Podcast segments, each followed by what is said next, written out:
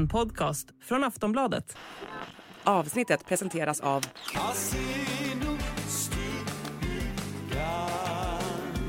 Stödlinjen.se, åldersgräns 18 år.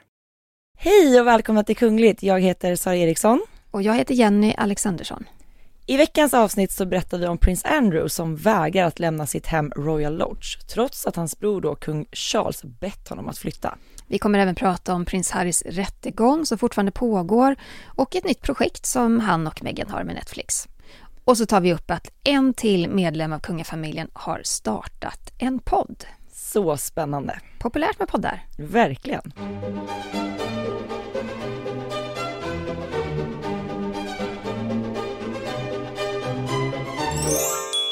Men vi börjar i Storbritannien. Och vi ska prata om eh, att drottningens tradition förs vidare. Drottning Elizabeth hon fyllde ju år den 21 april men hennes födelsedag firades ju officiellt alltid andra helgen i juni med militärparaden Trooping the Colour. Och det är ju någonting som har gått i arv. Eh, kungligheter före henne har gjort på samma sätt. Nu när hennes son kung Charles tagit över tronen, ja, då kommer även han att följa den här traditionen. Det är ju inte jättehärligt på hösten i London. Nej, det är ju faktiskt inte det. Och kung Charles han fyller år den 14 november. Men man firar nu istället då 17 juni officiellt. Ja, och precis som du var inne på Jenny, den här militärparaden då, Trooping the Colour, den har ju markerat brittiska monarkens födelsedag, ja men i över 260 år, så det är verkligen en gammal tradition. Och den har alltid firats då i juni. Och det var faktiskt kung George II som inledde den här traditionen. Och han, precis som kung Charles, var också född i november, han föddes 1683. Och ja, men han knäckte väl koden väldigt tidigt då och ansåg att just i november, det är svårt att ha en pampig eh, parad som ska liksom locka till sig många besökare. Så att då valde man helt enkelt att fira på sommaren. Kanske vi alla skulle göra så, att man väljer att fira födelsedagen på sommaren istället. Det hade varit underbart. Ja. Eller man vill ju ha två födelsedagar. Exakt. En när man fyller och en när det är lite härligt. Vad kul det skulle vara om man började så här, bjuda in folk till det officiella firandet. Oj, Bara gratta mig gärna i mars, men jag kommer även då ha en födelsedag i juli. Eh, inbjudan kommer till det officiella firandet i sommar. Kanske man ska börja med. Ja, Mm. förra året var det faktiskt väldigt speciellt, för då inleddes ju firandet redan på torsdagen. Och det handlade ju om att eh, det var drottning Elizabeths platinajubileum, så det var ju extra stort. Och nu i helgen så genomfördes en generalrepetition av paraden. Prins William var med och inspekterade den. Och det var ju ganska svettigt. Det var ju över 30 grader varmt i London då när de övade på den här eh, paraden. Tre vakter svimmade i hettan. Det har blivit ganska viralt. Ja, det är ju flera klipp som har spridits och framförallt är det ju ett där det är en en, eh, en av militärerna som, han har någon form av blåsinstrument och han Jag tror han har svimmar då. trumpet. Är det det han har? Ja. Eller nej, vad heter det med drag? Trombon? Trombon heter det? Trombon. Ja. Eh, och han svimmar ju och innan då, man ser hur den här hjälpen springer Ja, det är honom. personen som springer mot honom med en bår. en bår. Men han hinner ju liksom kvickna till och faktiskt ställa sig upp igen. Nej, men du vet, han ligger ner först och börjar spela liggandes. Han var verkligen dedikerad till att göra sitt jobb.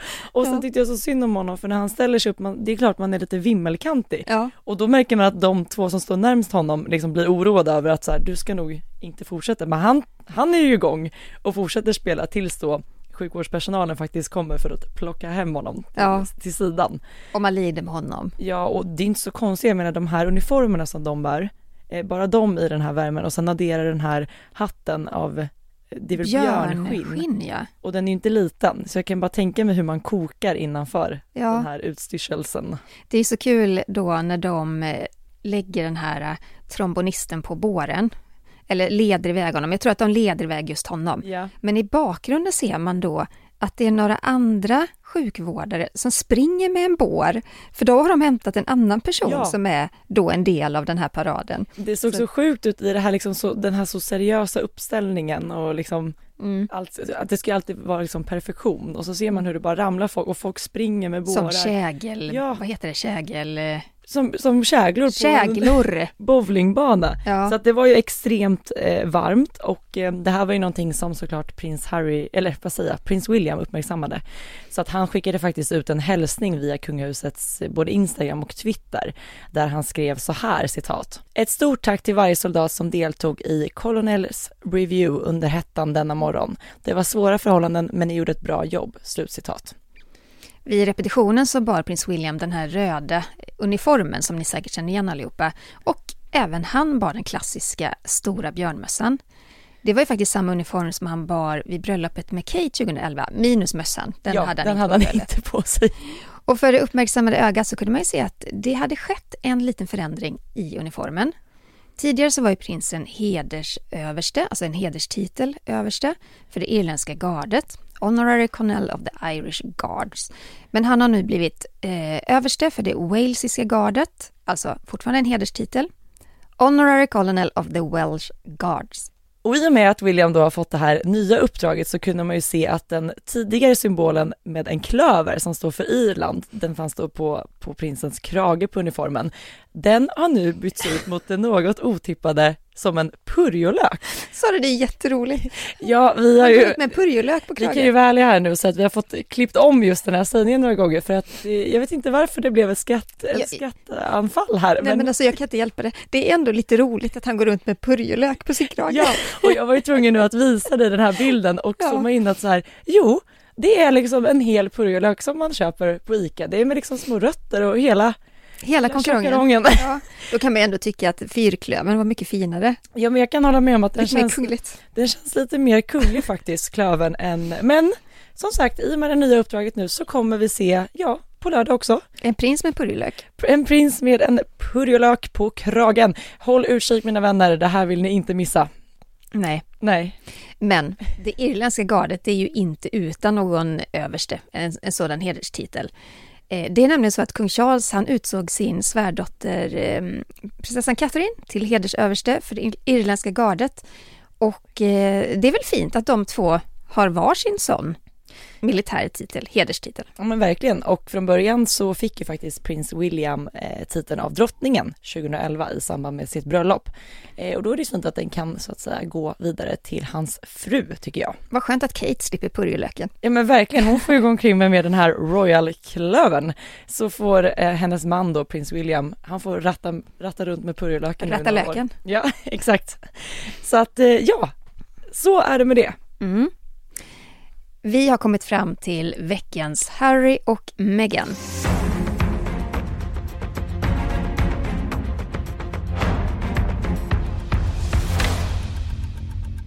Kungafamiljen kommer ju vara på plats vid firandet av Trooping the Colour, men Harry och Meghan, de kommer inte att delta.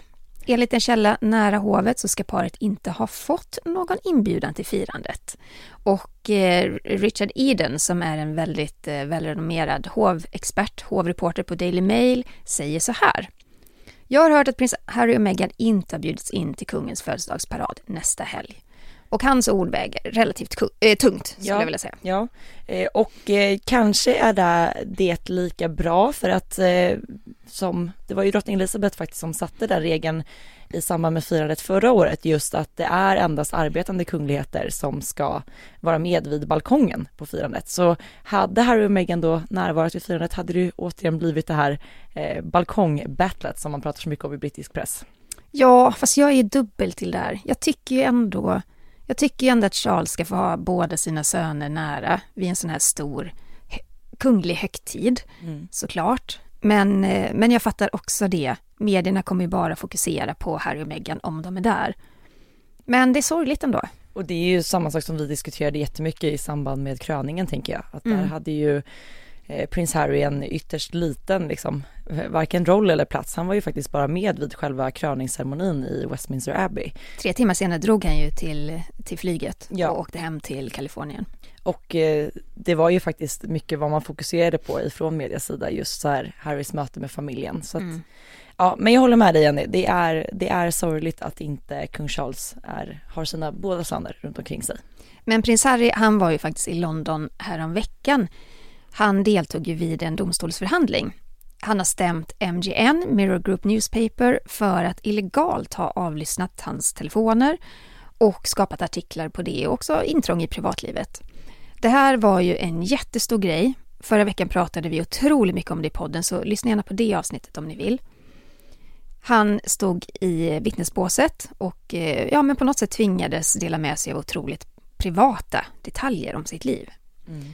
Och vi kan ju nämna att eh, vi har ju läst mycket om detta sedan dess. Eh, brittisk press har ju varit full av artiklar om den här rättegången. Bevisen är svaga, ord står mot ord gällande hur tidningarna har tagit del av den här informationen de byggt artiklar på. Och det är ju komplicerat. Sara, kan inte du berätta just det här om eh, vad, han har skrivit, vad prins Harry skrivit i sin bok kontra vad han säger vid rättegången? Ja, alltså i, i rättegången nu när Harry vittnade så eh, lägger ju han fram många så situationer och specifika händelser där han då menar att den här informationen kan man inte ha fått ta del av på annat sätt än via då olaglig telefonavlyssning eller telefonhacking pratar de mycket också om. Eh, men då använder ju faktiskt MGN eh, prins Harrys egna självbiografi, Despair, emot honom. För att vid flera tillfällen i den här boken så skriver ju faktiskt Harry eh, om specifika händelser, inte minst ifrån tiden när han gick i skolan, att han hade väldigt svårt att lita på sina vänner och att han upplevde att de också så här pratade med omgivningen och kanske även med pressen.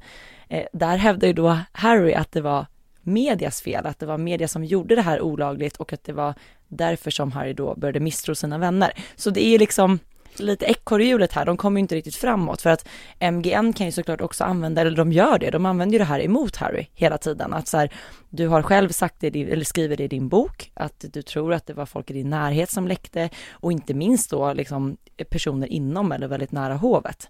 För det tror jag är den springande punkten där också, att han gör en stor grej i sin bok av att eh, pressavdelningar till olika kungliga familjemedlemmar spelar ut honom mm.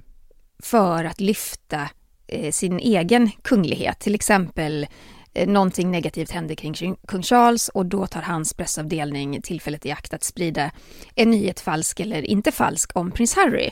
Och det där spelet, det det pratar Harry om så mycket hela tiden och skriver om i sin bok. Och det var också någonting som tog, togs upp väldigt mycket i den här Netflix-dokumentären som Harry och Meghan gjorde i sex delar var det väl, fem kanske. Eh, och det är ju lite speciellt i brittiska kungahuset just att man inte har ett, ett presskontor tillsammans som mm. man har till exempel i Sverige där liksom man jobbar ihop allihopa. Eh, utan man har liksom ett kontor per då eh, kungaparet har en liksom och William och, William och Kate, har ett. Ja. Och att det då är så viktigt för dem att framhäva sina eh, i det bästa ljuset, att man då har valt att spela ut varandra och läcka information till pressen. Eh, och jag menar i dokumentären där visade ju till och med prins Harry och Meghan exempel på hur de till exempel hade pratat om saker bakom slottets väggar på liksom interna möten som sen kom ut i pressen. Mm. Och det här använde ju såklart MGN emot prins Harry. Han har ju själv sagt det, han har ju själv lagt fram bevis för det i, liksom då till exempel i Netflix-dokumentären. Och nu vill han då ändra storyn och menar på att det är MGN som har avlyssnat honom. Ja, och MGNs advokat, han, eh, han är ju otroligt duktig. Alltså när man läser igenom de här rättegångsdokumenten och, och även, för det var inga medier som fick vara där inne och, och eh, ta upp ljud, utan man får liksom läsa sig till det. Han är otroligt skicklig och han, eh, han tar ju ner Harrys uppgifter gång på gång. En artikel handlade Eh, den var skriven 1996 och advokaten slår ner direkt så här, men du fick inte någon mobiltelefon för 1998 så den artikeln kan inte vara baserad på illegal avlyssning. Och så går han vidare artikel för artikel. Prins Harry hade ju valt ut 33 artiklar som han tyckte verkligen så här symboliserade avlyssning på något vis. Och eh, vid nästa artikel så säger, jag tror han heter Andrew Green, den här advokaten, att ja men den här eh, artikeln är ju baserad på ett pressmeddelande från Buckingham Palace. Och nästa artikel, ja men det här skrev ju The Sun om tre dagar innan vi skrev om det. Och det gör ju också att eh, bevisbördan som ligger på prins Harry och hans team, den är svår för dem, mm. väldigt komplicerad. Och när vi har läst då brittiska, eh, brittisk press nu, det senaste, vi kan ta till exempel The Guardian, The Telegraph, Finan Financial Times, de har ju alla sagt att eh, prins Harrys framträdande i rätten då var unsuccessful. Mm. Så det kommer bli tufft för prins Harry. Och sen pratade vi även om det förra veckan, eh, Piers Morgan. Eh, Harry gick ju ganska hårt liksom i anklagelserna gentemot honom och menar på att eh, han har liksom pratat ner Harry och Meghan ännu värre sen då eh, prins Harry började lyfta de här frågorna om telefonavlyssning. Eh, han har ju vevat på, Piers Morgan är ju inte oblyg som vi vet, han har också vevat på ganska så bra i pressen den här veckan, det har man kunnat tagit del av i flera olika kanaler.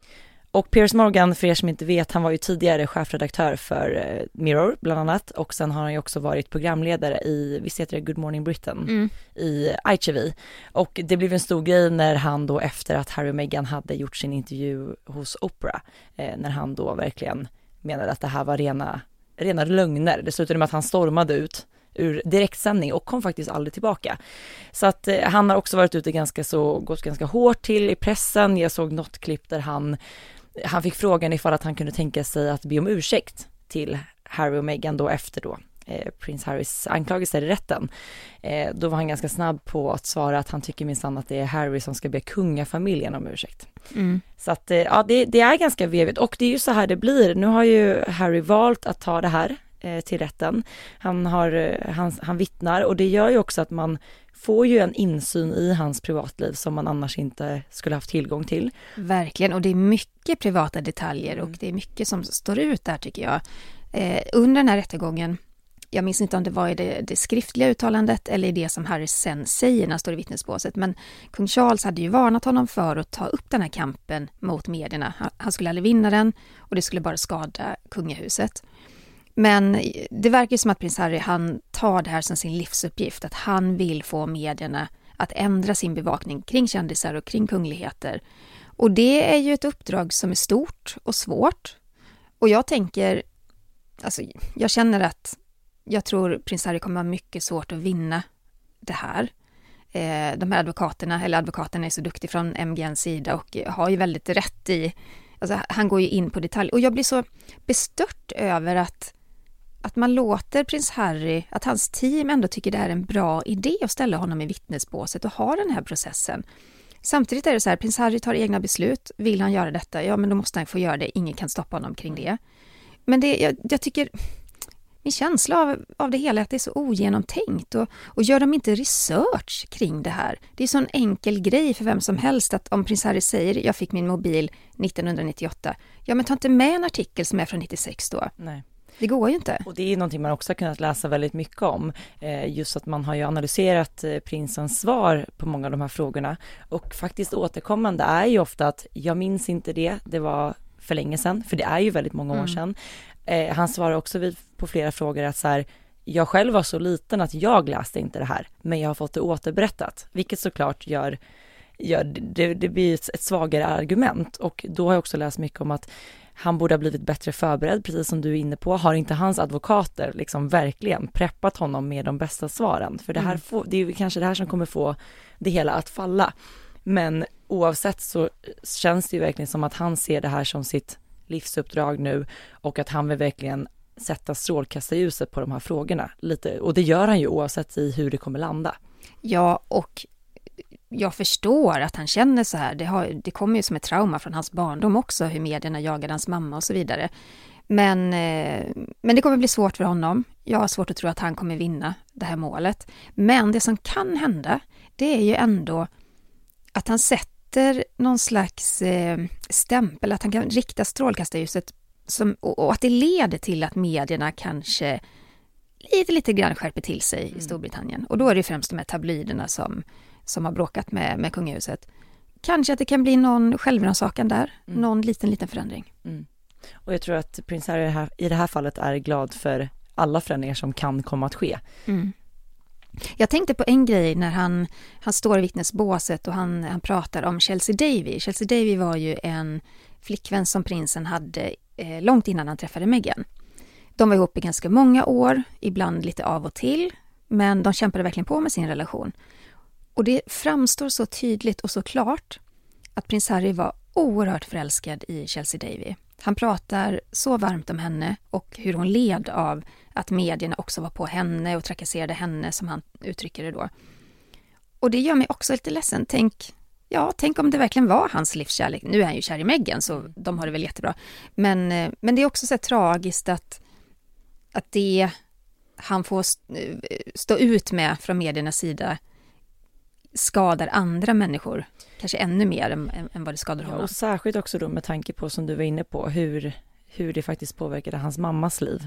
eh, och att det ledde henne in till den här otroligt tragiska trafikolyckan 97 och att sen då hur det också har kommit att påverka hans liv och andra personer som har betytt mycket för honom i hans närhet. Det är ju det är väldigt hemskt och väldigt sorgligt och jag menar efter Dianas död så skedde det ju en stor förändring i brittisk media och brittisk press. Jag menar Dianas bror gick ut och sa att alla som har skrivit om det här eller fotograferat, ni har blod på era händer.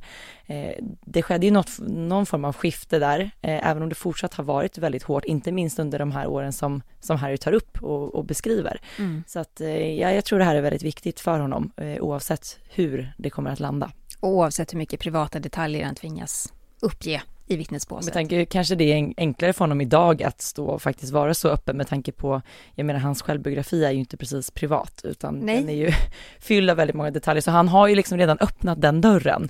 Och då känner han ju säkert att han bara kan köra på. Han har ju redan gjort det så det är väl bara att gasa då.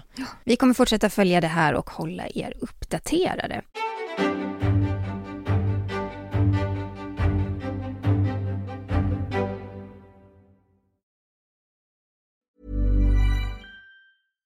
This message comes from BOF sponsor eBay.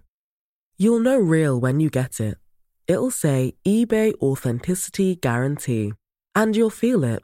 Maybe it's a head turning handbag, a watch that says it all, jewelry that makes you look like the gem, or sneakers and streetwear so fresh every step feels fly. eBay gets it. So look for the blue check mark next to that thing you love and be confident that every inch, stitch, sole, and logo is checked by experts. With eBay Authenticity Guarantee, you can trust that feeling of real is always in reach.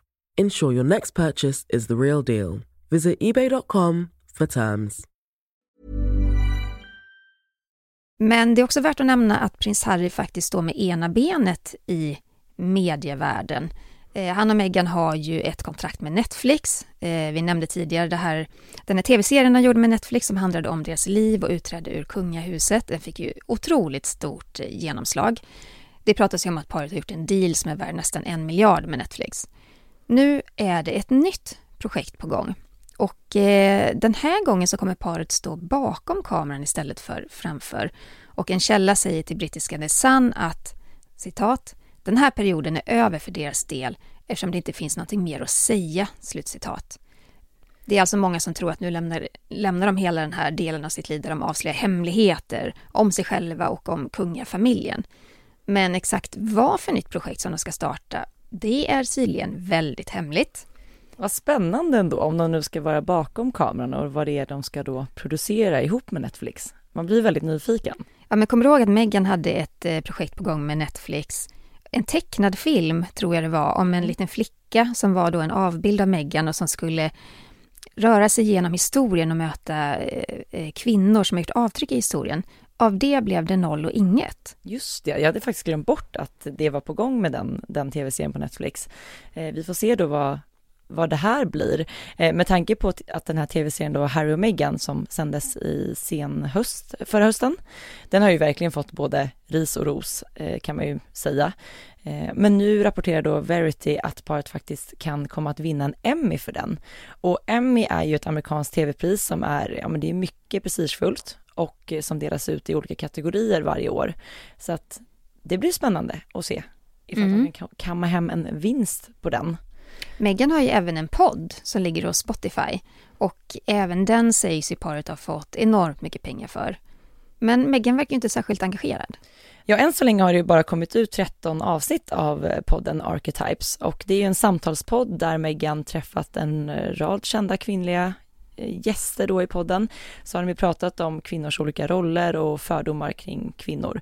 Men jag tror att det sista avsnittet släpptes i november 2022 och sedan dess har det varit tyst. Så jag vet inte riktigt vad som har hänt med podden, om den har lagts på is eller om man planerar att återuppta den. Mm. Ska vi vara ärliga så har ju podden inte fått jättebra kritik. Det har varit väldigt mycket åsikter och kommentarer kring den. Och att man mest hör Meghan, hennes röst och hennes berättelser som lite grann överskuggar den här gästen då som bjuds in varje vecka. Um, man skulle gärna vilja veta hur det här avtalet såg ut med Netflix. Om de nu får så enormt mycket pengar för den här podden. Ja, Spotify. Ja, med Spotify. Ja. Vad, vad händer? Kommer vi få något mer? Var, var det avtalat att bara ha 13 avsnitt eller hur ser det ut? Men det som är spännande just med det där avtalet med Spotify, det var ju faktiskt att Harry och Meghan från början startade en podd ihop som hette väl Archwell någonting, där det var, när de var med, det var ju också bara några ytterst få avsnitt och sen kom Megans egna podd. Jaha, den har jag, den har jag totalt förträngt. Ja, men, ja det var ju länge Var prins Harry sedan. med och pratade? Ja, och det var ju också då man fick höra, jag tror att de hade med Archie i, i studion vid något tillfälle. Ja, men det var någon trailer den gjorde för Precis. någonting. Ja, just Eh, det. Och den var också en sån där podd som bara kom med några ytterst, jag tror de bjöd in två gäster åt gång, så det var liksom ett samtal med Ja. fyra, har jag för mig. Eh, också bara några få avsnitt och sen lanserades då Megans podd, så vi får väl se lite vad som händer på deras poddfront helt enkelt. Mm. Vi stannar i Storbritannien. Eh, många brittiska medier har ju rapporterat om kung Charles initiativ att dra ner på kostnaderna i kungahuset. Kungen anser att det är en av hans viktigaste uppgifter och ingen ska då kunna anklaga honom för att slösa eller att hans släktingar ska leva i lyx på skattebetalarnas bekostnad. Och ett av besluten innebär att Charles bror, prins Andrew, kommer få ett mycket mindre ekonomiskt bistånd av kungen. Tidigare fick Andrew en årlig summa från Privy Purse och det är ju pengar som kungen får av hertigdömet Lancaster. Och enligt tradition så använder de brittiska regenterna Lancaster-pengarna till att försörja sin familj och sina släktingar. Och det här är ju egentligen inget konstigt beslut. Eh, Efter våldtäktsanklagelserna och det faktum att prins Andrew inte längre är en arbetande kunglighet efter då att hans mamma drottning Elizabeth tog bort hans officiella uppdrag och alla hederstitlar så är det ju heller inte logiskt att Andrew ska få ta del av sin brors pengar. Han genomför ju inga kungliga uppdrag längre. Det har han inte gjort heller sedan eh, sent 2019 så det är många år sedan nu. Ja, och det, det kan man ju hålla med om. Men eftersom andra då får mindre pengar att röra sig med så blir det även svårt för prinsen att bo kvar i sin stora kungliga villa Royal Lodge i Windsor. Huset har över 30 rum och en stor vacker park. Och det är klart att det här kostar pengar. Huset kräver omsorg. Andrew kommer inte ha råd att betala all den personal som han har och som hjälper honom med fastigheten. Men prins Andrew är inte ett dugg intresserad av att flytta. Han har ju skrivit ett ganska så vattentätt kontrakt får man ju lov att säga. Det kan man säga. Ett 75-årigt hyreskontrakt på den här bostaden. Det verkar inte som han kommer flytta självmant alls. Och det här blir ju såklart ett dilemma för kung Charles och just nu verkar det, läget vara lite låst mellan bröderna eh, i det här fallet. Och i sommar så kommer man göra eh, reparationer på husets tak och eh, det mest naturliga vore ju då att prins Andrew flyttade under den här tiden. Men han vägrar. Och det finns ju en, tydligen en orsak till det. En källa säger till Daily Mail att prinsen är jätterädd för att lämna huset. Även om det skulle vara temporärt under renoveringen av taket. För han tror att om, om Andrew lämnar huset så kommer det på något sätt bli omöjligt för honom att flytta tillbaka. Det känns ju logiskt. Det känns också logiskt. Mm. Att han helt enkelt inte då kommer få flytta in igen. Att man tar chansen att ta tillbaka Royal Lodge. Och det har ju pratats mycket om att prins Andrew då i gengäld ska få flytta in på Frogmore Cottage istället. Och det är ju det här huset som Harry och Meghan fick rätt att bo i. De fick ju det i samband med bröllopet och man totalrenoverade ju faktiskt det också. Sen bodde ju paret där ganska så kort tid och sen har ju även Andrews döttrar bott där i olika perioder. Ehm, men det här är ju någonting som Buckingham Palace inte har kommenterat eh, så att vi har inte fått något yttrande från hovet själva där. Men jag tycker det ska bli spännande att följa det här. Eh, Vad det verkar så sitter ju Ja men Andrew sitter ju på ett väldigt bra kontrakt här så att vägrar han att lämna så gör han. Får se hur de löser det. Det kan ju såklart- Samtidigt är det ju kungen som bestämmer. Ja. Men det kan ju skapa en ganska så dålig relation dem emellan. Ja, att, eh, den är nog rätt kass redan tror jag. eh, ja. Men eh, vi kan ju också nämna det att eh, prins Andrew bor tillsammans med sin exfru eh, Fergie, alltså Sarah Ferguson, på Royal Lodge, så att de är två som bor där. Och apropå henne, eh, nu i maj så avslöjades ju att Sarah Ferguson startat en podd tillsammans med sin vän, entreprenören Sarah Jane Thompson. Och den här podden heter Tea Talks with the Duchess and Sarah. Ja, och podden kommer faktiskt att släppa avsnitt varje vecka och där de har liksom presenterat podden som att de tillsammans då ska gå igenom livets toppar och dalar och de säger även att de ska prata om några av de största och konstigaste historierna från hela världen. Åh, vad kan det vara? Väldigt brett, eh, bred beskrivning så det kan ju nog komma kan lite prata- vad som helst. Vi kan prata om allt. ja, och vi har ju lyssnat på första avsnittet i alla fall. Mm, det heter The Maiden Voyage och eh, Fergie är ju som vanligt frispråkig, hon bjuder mycket på sig själv. Jag kommer ihåg en gång när jag intervjuade henne att jag var lite så här tveksam till att jag skulle ställa mig frågan om relationen till kungahuset och så här. Men Fergie är ju en sån person som bara blablabla. Mm. Hon pratar öppet och rakt om allt. Ja, vilket jag verkligen tycker är en väldigt härlig sida med henne. Hon är ju Absolut. helt ofiltrerad när det kommer till, hon har inte alls den här kalla och liksom stängda fasaden mot pressen utan helt tvärtom faktiskt. Mm. Och det märker man ju såklart även i den här podden. Ja, men det är mycket skratt. Det är väldigt lättsamt, men också blandat med allvar. Bland annat så säger Fergie att hon litar för mycket på människor och på för många människor. Och hur det ibland då blir ett problem för henne, inte minst under de år som hon då var eh, ingift i den kungliga familjen.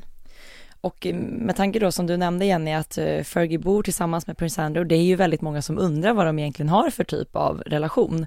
De skildes ju 96 men har bott tillsammans här. Och eh, hon svarar faktiskt på en fråga gällande sin relationsstatus i podden, så vi kan väl lyssna på vad hon säger där. So first question is, Do I have a boyfriend? No. yeah, do you, do you want one? Yes. okay, you can't have Dreamy, he's married. Yeah, I know. Ja, Sarah frågar ju henne om hon har en pojkvän och Fergie svarar nej och får frågan vill du ha en? Och Fergie svarar ja. Och så beskriver hon relationen med Andrew som det lyckligaste skilda paret. Det är väl underbart? Absolut. Mm. Det är ju populärt att göra tv-drama om kungligheter. Det handlar om både dokumentärer liknande den som Harry och Meghan gjorde om sig själva, men även om stora tv-bolag som gör helt egna serier, både fiktion och dokumentärt. Och nu har inspelningarna startat kring en tv-serie som handlar om nederländska drottning Maxima. Serien ska spegla hennes liv och inspelningarna sker just nu i New York. Serien är baserad på en bok som författaren Marcia Leuten publicerade 2021 och den heter Maxima Sorgeta Motherland. Och serien berättar då om Maximas uppväxt i Argentina, eh, inklusive hennes pappas mörka förflutna och eh, hennes karriär i New York och hennes kärlek till William Alexander som fortfarande var prins när de träffades. Det här låter ju som en väldigt spännande serie. Ja, absolut. Enligt den officiella beskrivningen så kommer tv-serien fokusera mycket på hur Maxima slets mellan sin argentinska familj och allt som hade med pappan att göra och hur hon då skulle passa in i det nederländska hovet trots pappan. För det är så här. Eh, Jorge Sorgeta hade en bakgrund i militärdiktaturens Argentina. Han var jordbruksminister i president Videlas regering mellan 76 och 83. Och det här var en period då över 30 000 oppositionella greps, fängslades, försvann, mördades. Folk torterades och plågades. Så det är ju också en väldigt mörk tid i Argentinas liv. Mm. Och att eh, Maximas pappa då var en del av detta, det är ju mycket komplicerat för hovet att hantera. Ja, och Maxima träffade ju Willem Alexander 99 och de gifte sig den 2 februari 2002 i Amsterdam. Eh, men då var det som så att dåvarande drottning Beatrix, hon förbjöd ju faktiskt Maximas pappa att vara med vid bröllopet. Och Maxima själv, hon försvarade sin pappa genom att säga att hon älskade honom och litade på honom. Men samtidigt accepterade hon sin svärmors krav att då inte bjuda in sin pappa till vigseln, utan det fick han istället följa på tv. Och eh, man kan ju faktiskt se klipp ifrån deras bröllop att hon, Maxima gråter ju vid flera tillfällen. Dels såklart för att hon är rörd över själva bröllopet, men hon har ju också pratat om det i efterhand att hon saknade sin pappa på plats där. Och det Mm. kan man ju förstå. Man kan också förstå hovet, tänker jag. Mm. Det är klart att en sån person drar till sig uppmärksamhet som, som inte är okej. Och som kanske inte, kanske också förverkat sin rätt att Mm. vara en del av ett så stort kungligt eh, sammanhang på grund av sin bakgrund. Mm. Men en annan kunglighet som är på G med en dokumentär, det är det norska kungaparet Harald och Sonja. Och det är Viaplay och Paradox som nyligen gick ut med nyheten att deras tv-serie kommer följa paret från deras första möte, deras nio år långa hemliga relation innan de fick gifta sig. Det är ju, jag tänker att deras kärlekshistoria verkligen är så här lämpat för en serie eller en, en dokumentär med tanke på att det är ju lite så här filmiskt nästan, hur, hur det gick till att kung, kung Harald och Sonja, de började ju dejta 59 och de tvingades ju faktiskt hålla det här väldigt diskret och ja men i stort sett hemligt i hela nio år. Men i slutet av 60-talet så ställde ju Harald ett ultimatum till sin pappa att om han inte fick gifta sig med Sonja så tänkte han inte gifta sig alls. Och det var liksom hon eller ingen. Och det här var ju ett krav som ställde allt på sin spets för att om en regent inte gifter sig och skaffar barn, ja men då faller ju hela konceptet med en arvsmonarki. Då finns det ju ingen som kan ta över tronen. Så att, eh, och Harald var ju den enda tronföljaren. Norge hade ju ingen kvinnlig tronföljd på den här tiden och eh, därför var Haralds syster inte en tänkbar kandidat. Så att om Harald inte ville bli Norges kung så skulle tronen gå över till en dansk kusin. Så att Haralds pappa kung Olav rådfrågade ju med regeringen och både kungen och regeringen godkände till slut giftermålet mellan Harald och Sonja. Och de gifte sig den 29 augusti 68. Så jag tänker att det känns nästan lite filmisk deras resa. Mm. Och nu kommer vi alltså få se den i en dokumentär. Och tv-serien kommer visas i fyra delar med start 2025. Sen är frågan hur, hur mycket Harald och Sonja deltar i det här arbetet på något sätt. Om det, det är en dokumentär som sker utanför hovet, utanför kungahuset. Jag, jag, tänker att det nog kanske är det. Mm. Eh, och sen hamnar man alltid i den här diskussionen att det görs då filmer, serier om nu levande personer.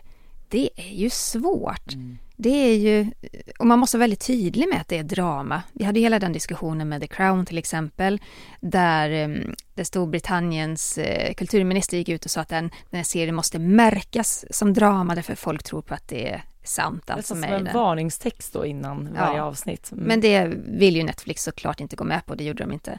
Men, men det är ju svårt, människor som fortfarande lever, de ska då porträtteras i en tv-serie eller en film Ah, klurigt det där. Ja, alltså man, man kan ju bara tänka sig, till exempel då exemplet med The Crown, hur liksom oroade brittiska hovet faktiskt har varit kring den. För jag menar, visst, det är drama, men det är ju också baserat på verkliga händelser och det är ju många delar i The Crown som liksom lyfts upp på nytt och som man kanske lite har så här sopat under mattan och glömt bort eh, liksom framåt i tiden och som då blossar upp igen och blir såklart åter ifrågasatt. Mm. Så att, ja, men det är spännande ändå. Mm. Då kommer vi få en tv-serie om nederländska kungaparet och en om det norska kungaparet framöver. Ja, och just nu spelas ju faktiskt den sjätte och sista säsongen av The Crown in. Och eh, det släpps ju som alltid lite foton från de här inspelningstillfällena. Eh, just nu så ganska nyligen, jag tror det var förra veckan, så släpptes en bild som visar då att prins Harrys skandal, eh, ni alla minns säkert den, när han valde att bära nazistkostym på en maskerad, den kommer såklart att tas upp i kommande säsong. Eh, bilderna från inspelningen då visar, det är en man som går runt med en bunt tidningar och på första sidan av de här tidningarna så ser man hur den här bilden på prins Harry pryder den. Så det här kommer ju tas upp i, i nästa säsong. Ja, prins Harry han har själv uttryckt ånger vid flera tillfällen över det här usla valet av maskeradkostym. Och det var ju, det var ju 2005 som festen var. Och skådespelaren Luther Ford som spelar prins Harry som ung i den här kommande säsongen har på något sätt återskapat den här ökända bilden då av Harry. Och i prinsens självbiografi The Spare som släpptes tidigare i år, då förklarar Harry bakgrunden till klädvalet och han hävdar att det var hans bror, prins William och Kate, som då uppmuntrade honom till att bära uniformen. Citat. De skrattade hjärtligt när de såg kostymen. Och det skriver han i boken då. Eh, I Harry och Megans dokumentär för Netflix så kallar han själv valet av maskeradkostym för ett av de största misstagen i, i sitt liv. Men, men samtidigt är det så här, ja okej, okay, folk kan ha uppmuntrat honom, men han kan aldrig komma ifrån det egna ansvaret kring sina val i livet. Där kan jag bli lite irriterad på Harry. Mm. Det är så lätt att skjuta skulden på någon annan, men kom igen. Det var ingen som tvingade på honom uniformen. Och det där är väl en typisk sån grej som jag var inne på nyss, att det är en sån där skandal som kommer att lyftas igen och få eh, stor uppmärksamhet när det då tas med i The Crown. Men Sara, det är också lite speciellt för Harry och Meghan då jobbar ju för Netflix och får väldigt bra betalt för, för sina uppdrag för Netflix. Eh, jag trodde faktiskt inte att Netflix skulle göra eller porträttera prins Harry. För han var ju ganska så osynlig i förra säsongen. Mm. Det sägs ju då att i den här allra sista säsongen, den kommer sträcka sig då från Dianas död 97 fram till 2005, ungefär då när William och Kates eh, förhållande inleddes när de studerade tillsammans på college. Och eh, man tror då att den kom, det kommer att släppas i höst men det är inte bekräftat av Netflix ännu. Men jag undrar precis som du är inne på hur liksom jag menar Harry och Meghan skriver jättestora avtal med dem, jobbar tillsammans med dem. Jag tror inte att Harry själv är ett fan över att till exempel den här incidenten tas upp i nästa The Crown. Nej, och han har ju varit försiktigt positiv till Netflix och The Crown. Eh, och det blir han väl så illa tvungen att vara, tänker jag, när han då har lukrativa kontrakt med eh, streamingtjänsten. Men hur kommer det bli om Netflix lyfter fram någonting väldigt ofördelaktigt. Jag tänker inte bara på det här med maskeraduniformen utan även porträttera Harry som klandervärd på något sätt. Alltså det, de ham- hamnar ju i någon slags konflikt då. Mm. Det känns lite eh, grötigt. Väldigt grötigt, men jag tycker det ska bli spännande att se hur, hur Netflix väljer att, att göra den här säsongen. Mm. Och det blir som sagt den sista. Sen kommer man förmodligen lite för nära nutid tror jag. Jag tycker redan de är väldigt nära nutid. Ja, jo, det är sant. Men tack fina lyssnare för att ni hängt med oss även denna veckan. Eh, vill ni ha dagliga kungliga nyheter så kan ni följa oss på sociala medier. Var finns du Sara? Man hittar mig på Instagram och ibland på TikTok under namnet royalistan.se. Och var hittar man dig? Främst på Instagram, kungligt med Jenny heter jag där. Så följ oss gärna där. Ja, och skicka jättegärna in lyssnarfrågor till oss. Vi håller på att spela in flera frågeavsnitt som kommer att komma ut under sommaren och då kan ni mejla in till kungligt.aftonbladet.se och ni kan även skriva till oss på Instagram. Tack för att ni har lyssnat. Hej då! Hej då!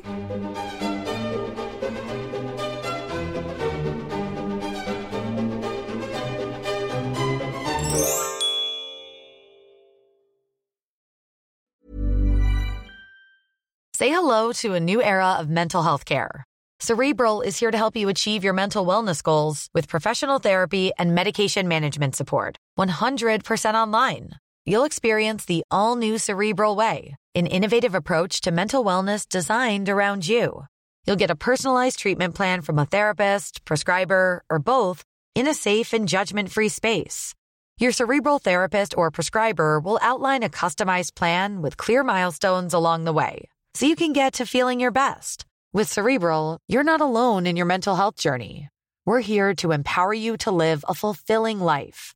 So take that first step towards a brighter future and sign up today at cerebral.com slash podcast and use code ACAST to get 15% off your first month. Offer only valid on monthly plans. Other exclusions may apply. Offer ends July 31st, 2024. See site for details. Du har lyssnat på en podcast från Aftonbladet. Ansvarig utgivare är Lena K Samuelsson.